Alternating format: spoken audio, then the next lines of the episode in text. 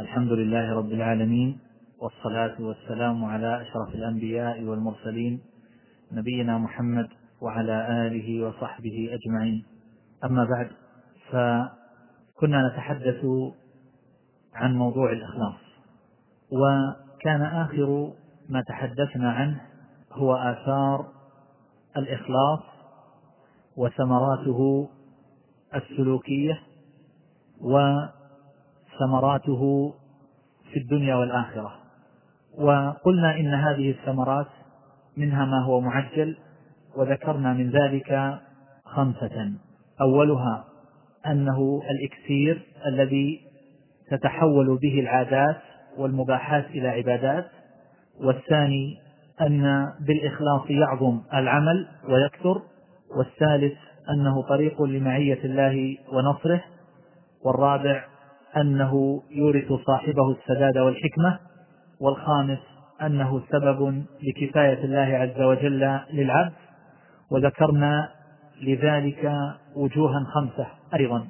فالعبد يكفى أولا أنه يكفى ما بينه وبين الناس وثانيا أن الله ينجيه بإخلاصه من الكروب والشدائد وثالثا أن الله عز وجل يكفيه الوساوس والخواطر الرديئة رابعا أنه ينقى قلبه ويكفى الغل والحسد وتصرف عنه سائر الشوائب. والخامس أنه يصرف عن صاحبه السوء والفحشاء. هذه أمور خمسة في كفاية الله عز وجل صاحب الإخلاص بسبب إخلاصه. الأمور التي يكفاها صاحب الإخلاص. وأما السادس من ثمرات الإخلاص فهو استقامة أحوال المجتمعات. إذا تحقق الإخلاص فإن أمور الناس تكون على استقامة. يصلح بذلك الراعي والرعية. إذا صلحت نيات الناس استقامت أمورهم واعتدلت أحوالهم. كما قال شيخ الإسلام ابن تيمية رحمه الله بأن ملاك ذلك جميعا بحسن النية من الرعاة للرعية وإخلاص العمل لدين الله عز وجل والتوكل عليه فإن الإخلاص والتوكل جماع صلاح الخاصة والعامة. فإذا كانت نيات الناس طيبة حسنة صلحت شؤونهم. وإذا كانت نياتهم سيئة وفاسدة فإن أمورهم تختل وتفسد وتضطرب حياتهم. وأما الأمر السابع من ثمرات الإخلاص فهو أن صاحبه يثبت على العمل ويستمر فلا يحصل له انقطاع لأن الإخلاص يمد أصحابه وأهله بقوة الاستمرار. لأن الذي يعمل من أجل الناس الذي يعمل أيضا من أجل شهوته لشهوة البطن أو لشهوة الفرج فإنه سرعان ما ينقطع ويكف إذا لم يجد ما يشبع شهوته. الذي يعمل أملا في أن يحصل رئاسة أو شهرة أو منصبا فإنه يتراخى ويتثاقل وينقطع إذا لاح له أن أمله بعيد المنال.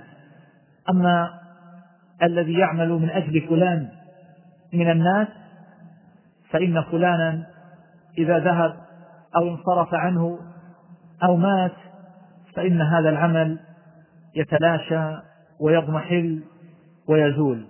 أما من كان عمله لله عز وجل فإنه لا ينقطع ولا ينثني ولا يسترخي أبدا. لأن الذي يعمل من أجله لا يغيب ولا يزول فوجه الله عز وجل باق إذا غابت الوجوه. ولهذا قال بعض السلف ما كان لله دام واتصل وما كان لغير الله انقطع وانفصل. والواقع يدل على ذلك. الذي يعمل من أجل أن يقدره الآخرون ثم لا يجد هذا التقدير منهم فإنه سرعان ما يمل ويعرض عن هذا العمل ويبحث عن شغل آخر يشغل به نفسه ووقته. الذي يعمل من أجل طلب المحمدة والمنزلة في نفوس الناس. إذا رأى أن الناس لم يلتفتوا إليه ولم يقدروا أعماله وجهوده فإنه سرعان ما يتبرم بهم وسرعان ما يضمحل عمله ويتلاشى جهده فينقطع عن هذا الجهد والعمل.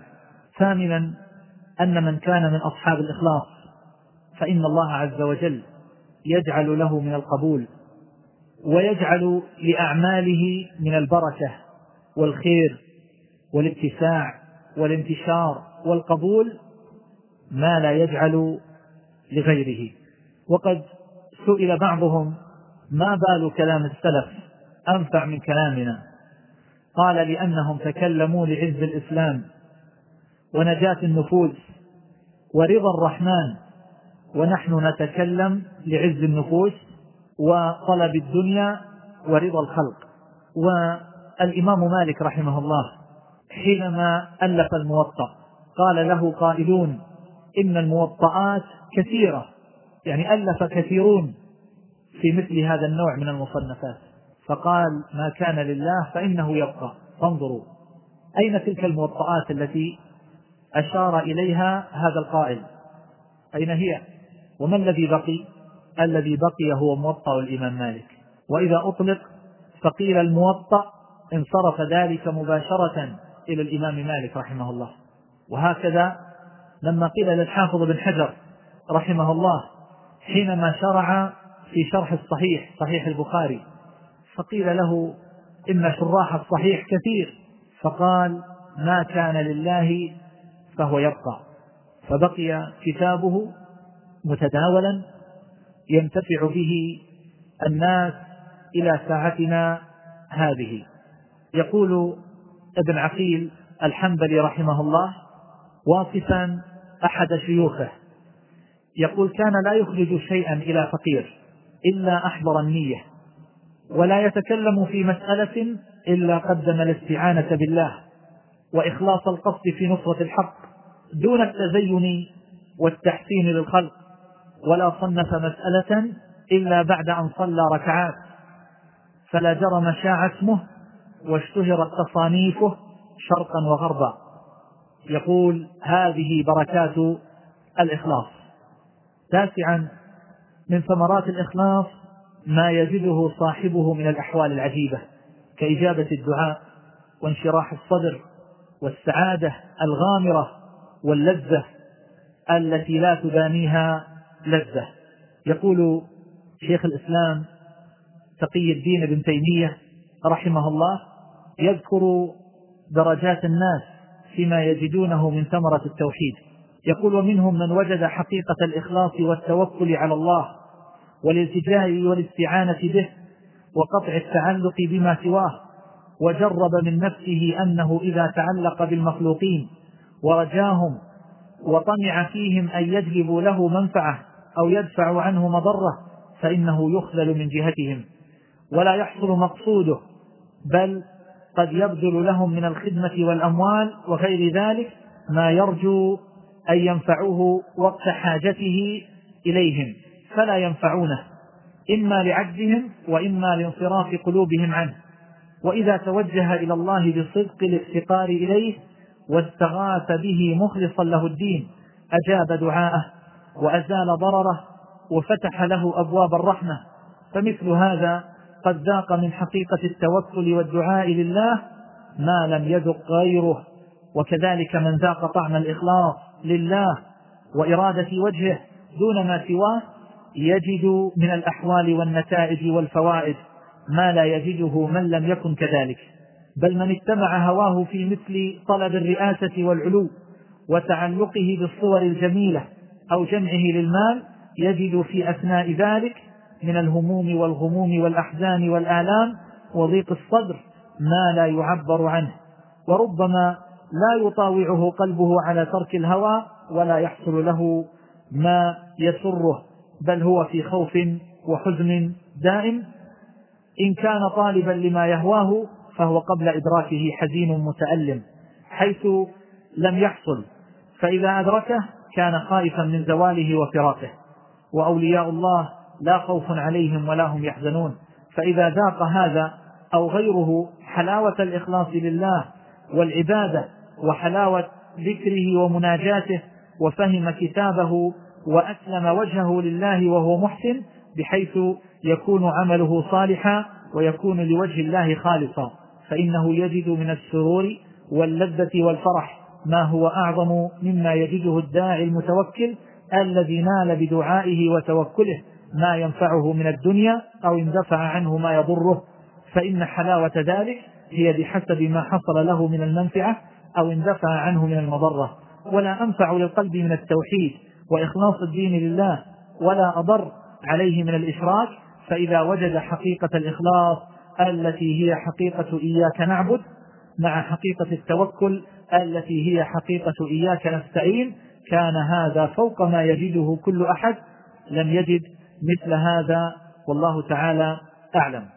ويقول ابن حزم رحمه الله تعالى في هذا المعنى يقول إذا تعقبت الأمور كلها فسدت عليك وانتهت في آخر فكرتك باضمحلال جميع أحوال الدنيا إلى أن الحقيقة إنما هي العمل للآخرة فقط. لأن كل أمل ظفرت به فعقباه حزن. إما بذهابه عنك وإما بذهابك عنه ولا بد من أحد هذين السبيلين. إلا العمل لله عز وجل فعقباه على كل حال سرور في عاجل وآجل.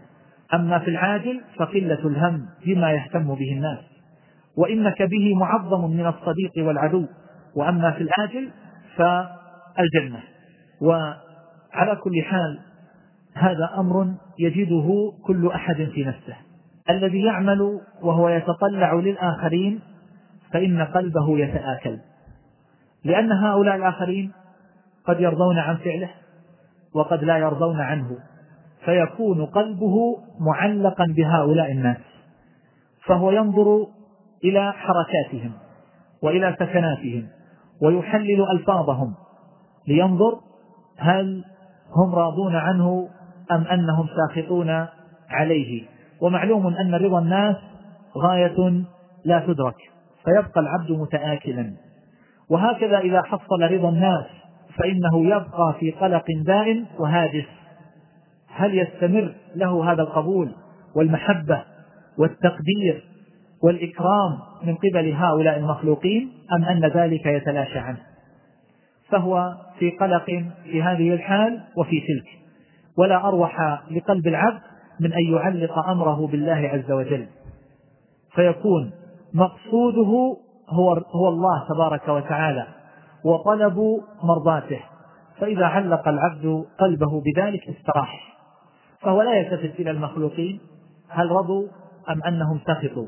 المهم أن يرضى الله عز وجل عنه فهذا هو غاية مبتغاه وبهذا تحصل له السعادة والطمأنينة فلا يقلق إذا قلق الناس ولا يحزن إذا أصابهم الحزن. عاشرا من ثمرات الإخلاص المعجلة التحرر من العبودية لغير الله عز وجل. لأن هذا الموصوف الذي ذكرته قبل قليل لكم الذي يتحرك قلبه على الناس هل رضوا عنه أم أنهم سخطوا عليه؟ فهو يبذل لهم من ألوان العبوديات ما يسعى به لجلب محمدتهم ولجلب مرضاتهم. فيكون بهذا يكون معبدا قلبه ونفسه لهؤلاء الناس. بل ربما عبد جوارحه في خدمتهم والقيام بحوائجهم وشؤونهم من أجل أن يحصل على هذا المطلوب وهو رضا هؤلاء الناس أو محبتهم أو تعظيمهم وما أشبه ذلك. ولا سبيل أيها الإخوة والأخوات إلى تحرير النفس الإنسانية إلا بتوجيهها إلى معبودها سبحانه وتعالى. وإذا عبدت هذه النفس لله تبارك وتعالى حقيقة فإن هذا يعني أرقى صور الحرية.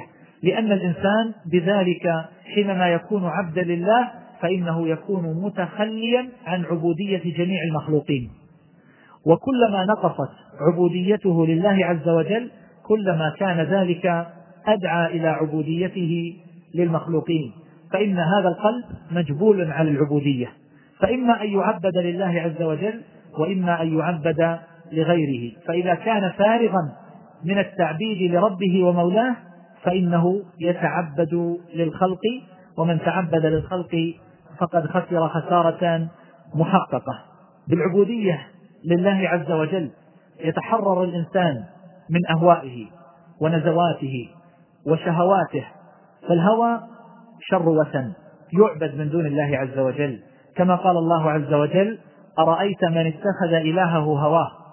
فالهوى قد يكون إلها يسيطر على الإنسان فلا يصدر هذا المخلوق إلا عن هذا الهوى ولا يسعى إلا لتحقيق مرغوباته ومطلوباته والإسلام يعتبر الخضوع للأهواء لأهواء النفس يعتبر ذلك من المحرمات والآثام ويعد ذلك عبودية لغير الله عز وجل.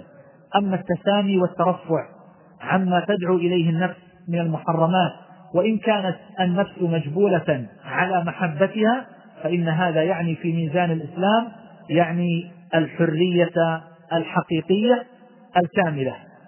وبذلك يكون الإنسان منطلقا من إثار الهوى.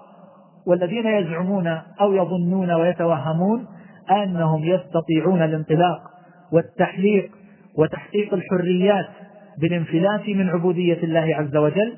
الواقع أنهم يفرون من عبودية الملك الديان إلى عبودية النفس والهوى وإلى عبودية الشيطان وإلى عبودية المخلوقين. هكذا يؤثر الإخلاص آثارا معجلة يجدها صاحبه في الدنيا قبل الآخرة. وأما الآثار الأخروية فهي كثيرة. ومن هذه الآثار وهو أعظمها دخول الجنة والنجاة من النار وتحصيل رضا الرب تبارك وتعالى.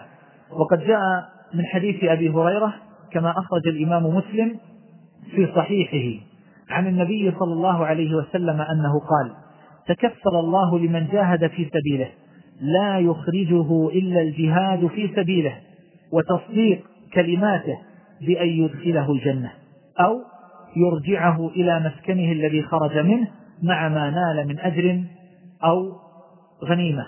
وهو أيضا مخرج في صحيح البخاري. وأيضا أخرج البخاري في صحيحه من حديث عتبان بن مالك الأنصاري رضي الله تعالى عنه أنه قال غدا علي رسول الله صلى الله عليه وسلم فقال لن يوافي عبد يوم القيامة. يقول لا إله إلا الله يبتغي بها وجه الله إلا حرم الله عليه النار.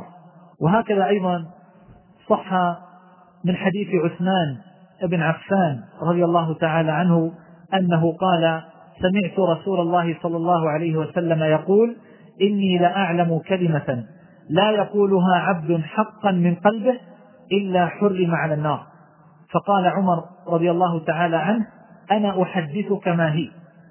هي كلمة الإخلاص التي أعز الله تبارك وتعالى بها محمدا صلى الله عليه وسلم وأصحابه.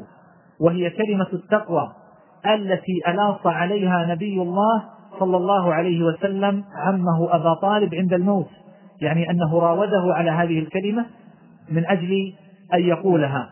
يقول شهادة أن لا إله إلا الله. ومن ثمرات الإخلاص الأخروية وهو الثاني غفران الذنوب.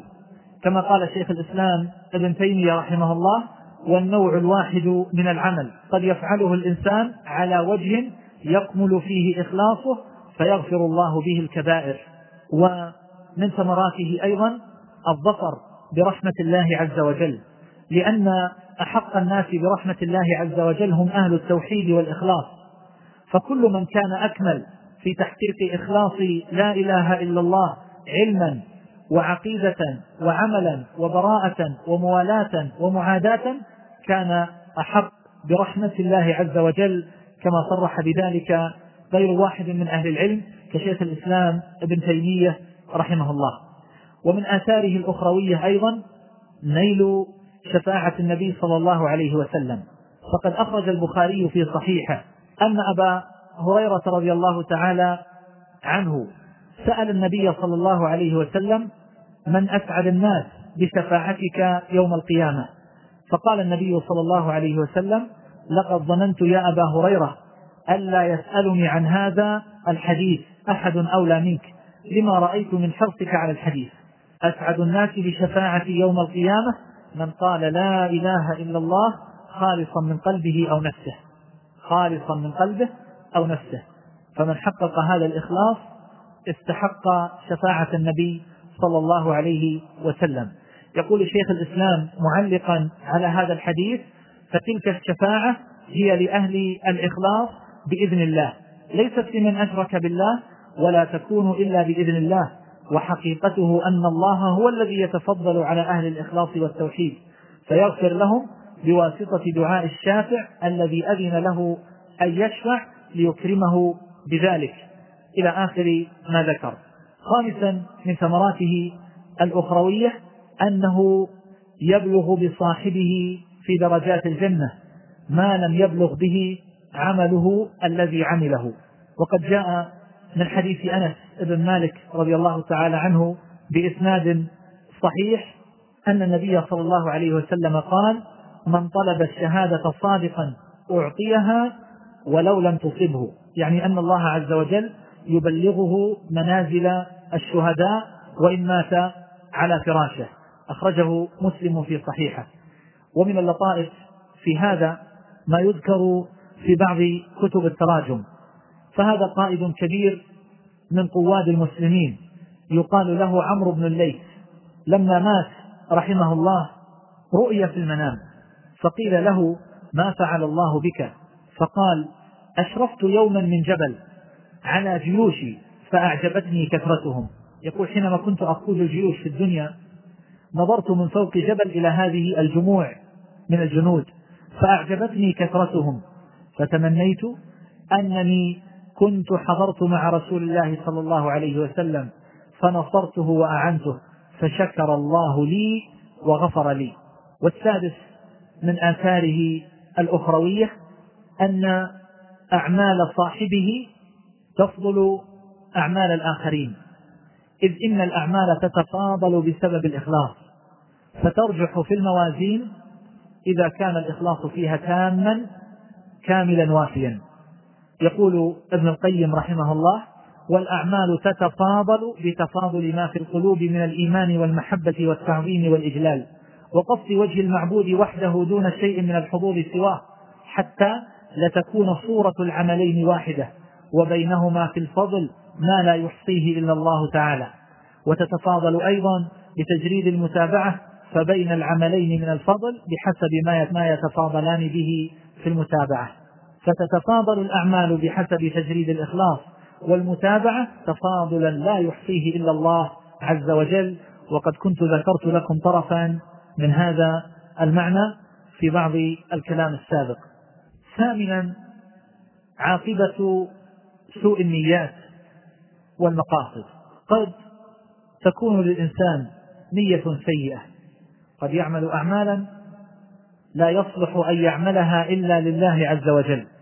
ثم إن هذا الإنسان يريد بهذه الأعمال رياء وسمعة ومحمدة في قلوب الخلق أو جاها ومالا وما إلى ذلك من المطالب المنحطة السافلة. فما الذي يحصل لهذا الإنسان؟ الذي تكدرت نيته وتلوث إخلاصه وتلطخ بنجاسة الالتفات إلى غير الله عز وجل. يحصل له أمور كثيرة. أولها أنه يكون معرضا نفسه لمكر الله عز وجل. يقول حماد بن سلمة رحمه الله من طلب الحديث لغير الله تعالى مكر به. من طلب الحديث لغير الله تعالى مكر به. ونحن نرى ذلك ونشاهده. فقد تجد الإنسان له صولة وجولة وقيام في كثير من الأعباء والأعمال الجليلة العظيمة ويستقيم في ظاهره برهة من الزمان ولربما تشاغل بطلب العلم ولربما حصل فيه بعض التحصيل ثم نجد أن هذا الإنسان لربما انتكس رأسا على عقب فتغيرت أحواله وأصابه انتكاسة بعد استقامة وأصابه فترة بعد إقبال وبعد طاعة. وما ذلك إلا لأن نيته قد داخلها ما داخلها. ولو أن العبد صدق في إقباله على الله عز وجل وصدق اللجأ إليه وصدق معاملته فإن الله عز وجل يحفظه ويكلأه ويرعاه ويدنيه ويثبته على القول الثابت حتى يلقى الله عز وجل. فصار ذلك دالا على أن سوء القصد والنية سبب لمكر الله عز وجل بالعبد الثاني من آثاره السيئة هو أن بركة العمل تضمحل وتتلاشى وتذهب فلا يكون لهذا العمل كثير بركة ولا يكون له كثير وقع قد يكون للإنسان مؤلفات كثيرة ولكن لا قيمة لها ولا ينتفع بها أحد. وقد يكون للإنسان أعمال ومشاريع تنفق عليها الملايين ولكن نفعها قليل. وقد يكون لهذا الإنسان أعمال متنوعة من دعوة إلى الله عز وجل وغير ذلك ولا يبارك في هذا العمل ولا يحصل به المقصود.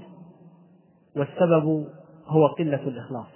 كلما قوي الإخلاص في قلب العبد كلما كان ذلك سببا لكثرة البركة في هذا العمل. وكلما قل الإخلاص في هذا العمل كلما كان ذلك أدعى لاضمحلاله وتلاشيه. مهما أنفق عليه من الأموال إنما أنفق عليه من أجل أن يقدر هذا الإنسان من أجل أن يعظم من أجل أن يكتب عنه من أجل أن يتحدث الناس أن فلانا قد تصدق وعمل وفعل وفعل.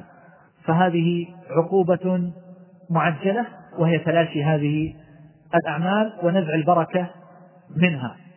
يقول الربيع ابن خسيم رحمه الله كل ما لا يراد به وجه الله يضمحل.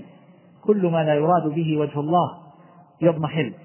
ثالثا من آثاره السيئة إعراض القلب عن الله واشتغاله بغيره فيصير عبدا لهذا الذي أراد منه مصلحة أو أراد منزلة في نفسه وقلبه. يقول ابن القيم رحمه الله وأصل الغي من الحب لغير الله فإنه يضعف الإخلاص به ويقوى الشرك بقوته فأصحاب العشق الشيطاني لهم من تولي الشيطان والإشراك به بقدر ذلك لما فيهم من الإشراك بالله ولما فاتهم من الإخلاص له. ففيهم نصيب من اتخاذ الأنداد. ولهذا ترى كثيرا منهم عبدا لذلك المعشوق متيما فيه يصرخ في حضوره ومغيبه أنه عبده فهو أعظم ذكرا له من ربه وحبه في قلبه أعظم من حب الله فيه. وكفى به شاهدا بذلك على نفسه بل الإنسان على نفسه بصيرة ولو ألقى معاذيره. يقول فلو خير بين رضاه ورضا الله لاختار رضا معشوقه على رضا ربه ولقاء معشوقه أحب إليه من لقاء ربه وتمنيه لقربه أعظم من تمنيه لقرب ربه وهربه من سخطه عليه أشد من هربه من سخط ربه. يسخط ربه بمرضاة معشوقه ويقدم مصالح معشوقه وحوائجه على طاعة ربه. فإن فضل من وقته فضله وكان عنده قليل من الإيمان صرف تلك الفضلة في طاعة ربه. وإن استغرق الزمان حوائج معشوقه ومصالحه صرف زمانه كله فيها وأهمل أمر الله تعالى يجود لمعشوقه بكل نفيس ويجعل لربه من ماله إن جعل له كل كل رذيلة. رابعا من آثار سوء النية وسوء القصد أن صاحبه يخسر نصيبه في الآخرة ولا يجد ثمرة هذا العمل. ويكفي في ذلك أيها الإخوان زاجرا ذلك الحديث العظيم حديث أبي هريرة رضي الله تعالى عنه فعن شفي الأصبحي أنه دخل المدينة فإذا هو برجل قد اجتمع عليه الناس فقال من هذا؟ فقالوا أبو هريرة يقول فدنوت منه حتى قعدت بين يديه وهو يحدث الناس فلما سكت وخلى قلت أنشدك بحق وحق لما حدثتني حديثا سمعته من رسول الله صلى الله عليه وسلم عقلته وعلمته فقال أبو هريرة أفعل لأحدثنك حديثا حدثنيه رسول الله صلى الله عليه وسلم وعلمته ثم نشغ أبو هريرة نشغة يعني شهق. فمكث قليلا ثم أفاق فقال لأحدثنك حديثا حدثنيه رسول الله صلى الله عليه وسلم في هذا البيت ما معنا أحد غيري وغيره. ثم نشغ أبو هريرة رضي الله تعالى عنه نشغة أخرى فمكث كذلك ثم أفاق ومسح وجهه. قال أفعل لأحدثنك بحديث حدثنيه رسول الله صلى الله عليه وسلم وأنا وهو في هذا البيت ما معنا أحد غيري وغيره. ثم نشغ أبو هريرة نشغة شديدة ثم مال خارا على وجهه. يقول فأسندته طويلا ثم أفاق فقال حدثني رسول الله صلى الله عليه وسلم إن الله تبارك وتعالى إذا كان يوم القيامة نزل إلى العباد ليقضي بينهم وكل أمة جاثية فأول من يدعو به رجل جمع القرآن ورجل يقتل في سبيل الله ورجل كثير المال. فيقول للقارئ ألم أعلمك ما أنزلت على رسولي؟ قال بلى يا رب. قال فماذا عملت فيما علمت؟ قال كنت أقوم به أثناء الليل وآناء النهار. فيقول الله له كذبت. وتقول الملائكة كذبت. ويقول الله بل أردت أن يقال فلان قارئ فقد قيل. ويؤتى بصاحب المال فيقول الله ألم أوسع عليك حتى لم أدعك تحتاج إلى أحد؟ قال بلى. قال فماذا عملت فيما آتيتك؟ قال كنت أصل الرحم وأتصدق. فيقول الله كذبت. وتقول الملائكة كذبت. فيقول الله بل أردت أن يقال فلان جواد وقد قيل ذاك. ويؤتى بالذي قتل في سبيل الله. فيقال له فيما قتلت؟ فيقول أمرت بالجهاد في سبيلك فقاتلت حتى قتلت فيقول الله كذبت وتقول الملائكة كذبت ويقول الله عز وجل بل أردت أن يقال فلان جريء فقد قيل ذلك. ثم ضرب رسول الله صلى الله عليه وسلم على ركبتي فقال يا أبا هريرة أولئك الثلاثة أول خلق الله تسعر بهم النار يوم القيامة. هذا حديث صحيح الإسناد. وفي آخره زيادة أن شفيا دخل على معاوية بن أبي سفيان فأخبره بالحديث. فقال معاوية قد فعل بهؤلاء هذا فكيف بمن بقي من الناس؟ ثم بكى معاوية بكاء شديدا حتى ظننا أنه هلك وقلنا قد جاء هذا الرجل بشر. ثم أفاق معاوية وقال صدق رسول الله صلى الله عليه وسلم. من كان يريد الحياة الدنيا وزينتها نوفي إليهم أعمالهم فيها وهم فيها لا يبخسون. أولئك الذين ليس لهم في الآخرة إلا النار وحبط ما صنعوا فيها وباطل ما كانوا يعملون. ومما يدل على هذا المعنى وهو خسارة صاحبه في الآخرة أن الله عز وجل يقول أنا أغنى الشركاء عن الشرك فمن عمل لي عملا أشرك فيه غيري فأنا منه بريء وهو للذي أشرك. فإذا قدم يوم القيامة لا يجد من عمله شيئا ويدل على ذلك أيضا ما صح عن النبي صلى الله عليه وسلم في الحديث الآخر حيث قال بشر هذه الأمة بالثناء والرفعة والتمكين في الأرض فمن عمل منهم عمل الآخرة للدنيا لم يكن له في الآخرة من نصيب. وفي لفظ بشر هذه الأمة بالتيسير والثناء والرفعة بالدين والتمكين في البلاد والنصر فمن عمل منهم بعمل الآخرة للدنيا فليس له في الآخرة من نصيب.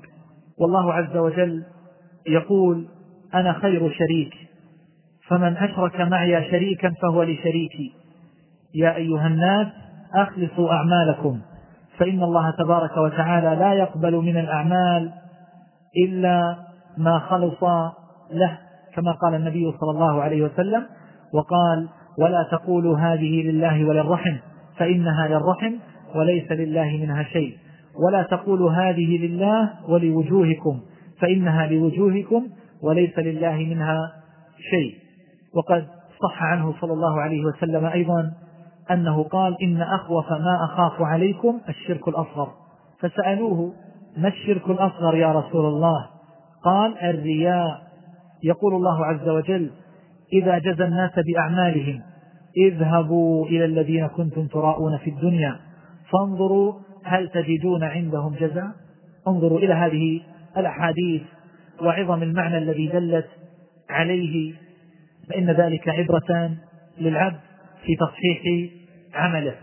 كما صح عن النبي صلى الله عليه وسلم أنه قال إذا جمع الله الأولين والآخرين ليوم القيامة ليوم لا ريب فيه. نادى مناد من كان أشرك في عمله لله أحدا فليطلب ثوابه من عنده فإن الله أغنى الشركاء عن الشرك. وفي الحديث الآخر من سمع سمع الله به ومن يرائي يرائي الله به. وفي الحديث الآخر من قام مقام رياء وسمعة راى الله به يوم القيامة وسمع. وفي حديث آخر من سمع الناس بعمله سمع الله به مسامع خلقه وصغره وحقره. وفي حديث صحيح من قام مقام رياء راى الله به ومن قام مقام سمعة سمع الله به. وفي حديث آخر ما من عبد يقوم في الدنيا مقام سمعة ورياء إلا سمع الله به على رؤوس الخلائق يوم القيامة. وجاء عن ابن عباس رضي الله تعالى عنهما موقوفا عنه أنه قال من رأى بشيء في الدنيا من عمله وكله الله إليه يوم القيامة وقال انظر هل يغني عنك شيئا؟ انظر هل يغني عنك شيئا؟ تاسعا كيف ننمي الإخلاص في قلوبنا وكيف ندافع الرياء. نحن عرفنا أيها الإخوان أن الإخلاص شديد وأنه صعب على النفوس وعرفنا علة ذلك فهنا أذكر جملة من الأمور التي يمكن للعبد معها أن يقوي إخلاصه وأن يدفع أضداده من قلبه. فأول هذه الأمور أن يستعين بالله عز وجل على هذا الإخلاص وأن يتعوذ بالله تبارك وتعالى من الرياء وأن يراقب ربه وأن يراقب عمله. وقد صح عن النبي صلى الله عليه وسلم أنه قال يا أيها الناس اتقوا هذا الشرك فإنه أخفى من دبيب النمل فقال له من شاء الله أن يقول وكيف نتقيه وهو أخفى من دبيب النمل يا رسول الله؟ قال قولوا اللهم إنا نعوذ بك من أن نشرك بك شيئا نعلمه ونستغفرك لما لا نعلمه. فالعبد لا غنى له عن ربه ومولاه. جل جلاله أن يصرف عنه هذه المقاصد السيئة التي تعتلج في نفسه وقل أن يتخلص منها أحد. وقد قال علي بن الحسين زين العابدين. اللهم إني أعوذ بك أن تحسن في لوائح العيون علانيتي وتقبح في خفيات العيون سريرتي. اللهم كما أسأت وأحسنت إلي فإذا عدت فعد علي. وكان من دعاء مطرف ابن عبد الله ابن الشخير رحمه الله تعالى أنه كان يقول اللهم إني أستغفرك مما تبت إليك منه ثم عدت فيه وأستغفرك مما جعلته لك على نفسي ثم لم أف لك به وأستغفرك مما زعمت أني أردت به وجهك فخالط قلبي منه ما قد علمت. فمرر وجهك بين يدي الله عز وجل واسأله أن يصحح قصدك ونيتك فإنه لا بلاغ إلا بإعانته وتسديده وتوفيقه. وإذا تخلى الرب عن العبد فإن العبد يخذل أحوج ما يكون إلى الإعانة. ومن التفت إلى نفسه وإلى قوته وطاقته وعلمه وجهده وذكائه خذل. الثاني مما يقوي الإخلاص ويعين على تحقيقه وتحصيله هو أن يعبد القلب وتعبد الجوارح لله عز وجل. هذا القلب أيها الإخوان كما ذكرت سابقا لا بد أن يملأ. وهو يعتلج في داخل الصدر بالإرادات والخواطر ولا بد له من أحد يتوجه إليه. فإما أن يتوجه إلى الله عز وجل وإما أن يتوجه إلى المخلوقين. وهذه الجوارح لا بد لها من عبودية. شاء الإنسان أم أبى؟ فإما أن يسخر جوارحه في تحقيق شهواته وتحصيل مطلوباته القريبة العاجلة فيكون عبدا لها وإما أن يسخر هذه الجوارح في مرضاة الله عز وجل فيكون عبدا لله. وإما أن يسخر هذه الجوارح في طلب ثناء الناس والمنزلة في قلوبهم فيكون عبدا لهم. يقول ابن القيم رحمه الله في هذا المعنى في كتابه عدة الصابرين يقول قطع العلائق والأسباب. التي تدعوه إلى موافقة الهوى. وليس المراد ألا يكون له هوى بل المراد أن يصرف هواه إلى ما ينفعه ويستعمله في تنفيذ مراد الرب تعالى. فإن ذلك يدفع عنه شر استعماله في معاصيه. فإن كل شيء من الإنسان يستعمله لله فإن الله يقيه شر استعماله لنفسه وللشيطان. وما لا يستعمله لله استعمله لنفسه وهواه. ولا بد. فالعلم إن لم يكن لله كان للنفس والهوى والعمل إن لم يكن لله كان للرياء والنفاق والمال إن لم ينفق في طاعة الله أنفق في طاعة الشيطان والهوى والجاه إن لم يستعمله لله استعمله صاحبه في هواه وحظوظه والقوة إن لم يستعملها في أمر الله استعملته في معصيته. فمن عود نفسه العمل لله لم يكن عليه أشق من العمل لغيره. ومن عود نفسه العمل لهواه وحظه لم يكن عليه أشق من الإخلاص والعمل لله. وهذا في جميع أبواب الأعمال. انتهى كلامه رحمه الله. وهذه جملة بديعة في غاية النفاسة حيث تحوي معنى كبيرا. من عود نفسه العمل لله لم يكن عليه أشق من العمل لغيره. ومن عود نفسه العمل لهواه وحظه لم يكن عليه أشق من الإخلاص والعمل لله وهذا في جميع الأعمال. الذي تعود أن يعمل في المناسبات وفي حضور الجموع الغفيرة فإنه لا يمكن أن يجود بنفقة أو صدقة أو أن يقوم بعمل إن غابت هذه الجموع. والذي عود نفسه العمل لله عز وجل لو أنه طلب منه أن يتزين لأحد من المخلوقين بشيء من العمل للآخرة فإن ذلك يكون عليه في غاية المشقة. لو قيل له من المصلحة أن يراك فلان ويرى هذه الأعمال التي تقوم بها فنريد منك أن تعملها بحضرته فإن ذلك يكون في غاية المشقة عليه. فالمخلص الذي تعود على الإخلاص لا يستطيع ذلك في حال من الأحوال. وأما غير المخلص فهو لا يعمل إلا إذا شاهده الآخرون والله المستعان. الثالث مما يقوي على الإخلاص وعلى دفع الرياء أن يعرف العبد هذه العلل أن يعرف الرياء ويعرف حقيقته ويعرف السمعة ويتحرز من ذلك. فإن العبد مطالب بمعرفة عدوه ومعرفة الأدواء التي تتسلل إلى نفسه ولربما من غير شعور منه. النبي صلى الله عليه وسلم يحذرنا ويقول يا أيها الناس إياكم وشرك السرائر. ثم يبين ذلك فيقول يقوم الرجل فيصلي فيزين صلاته جاهدا لما يرى من نظر الناس إليه فذلك شرك السرائر. كم من إنسان تنطلي عليه هذه القضية ويظن أنه يتعبد لله عز وجل وهو يتعبد لغير الله.